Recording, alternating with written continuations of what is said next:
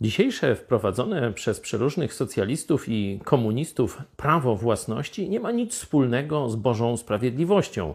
Tym razem chciałem dać e, pociechę, może nawet e, prawo e, tym, którzy szukają skarbów, czy znajdują skarby na swoim polu. Często zdarza się to rolnikom, czy przy, w czasie prac polowych, kiedy znajdą coś cennego.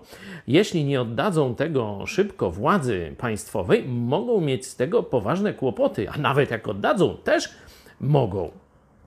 A jakie jest Boże prawo? Zobaczmy Ewangelia Mateusza, przypowieść o Królestwie Bożym, Ewangelia Mateusza, 13 rozdział, 44 werset.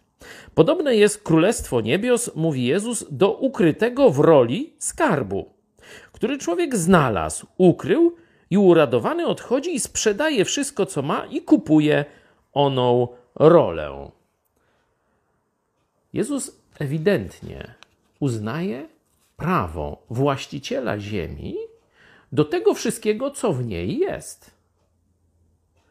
Ktoś znalazł skarb, kupił rolę, i w tym momencie skarb jest jego, a nie jakiegoś państwa, króla czy kogoś tam innego. Zobaczcie, jak biblijne standardy są odległe od tego, w czym dzisiaj już żyjemy. Warto więc wracać do Biblii, żeby marzyć o prawdziwych prawach, jakie Bóg nam nadał, a nie jakaś komunistyczna władza.